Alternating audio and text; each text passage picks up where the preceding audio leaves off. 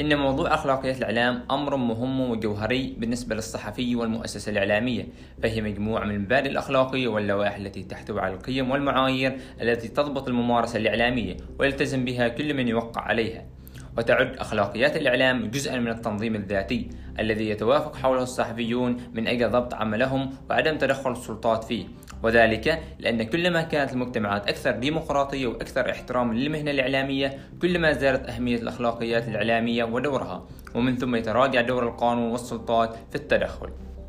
إذا لماذا هي مهمة للمتابع؟ ببساطة لأن امتلاك المعرفة بأخلاقيات الإعلام يؤهلنا للحكم على وسائل الإعلام ومدى التزامها بالأخلاقيات المتعارف عليها ومن ثم يمكن للمتابع أن ينقد وسائل الإعلام ويبدي رأيه فيها بل أيضا يمكنه الضغط على وسائل الإعلام لإجبارها على التراجع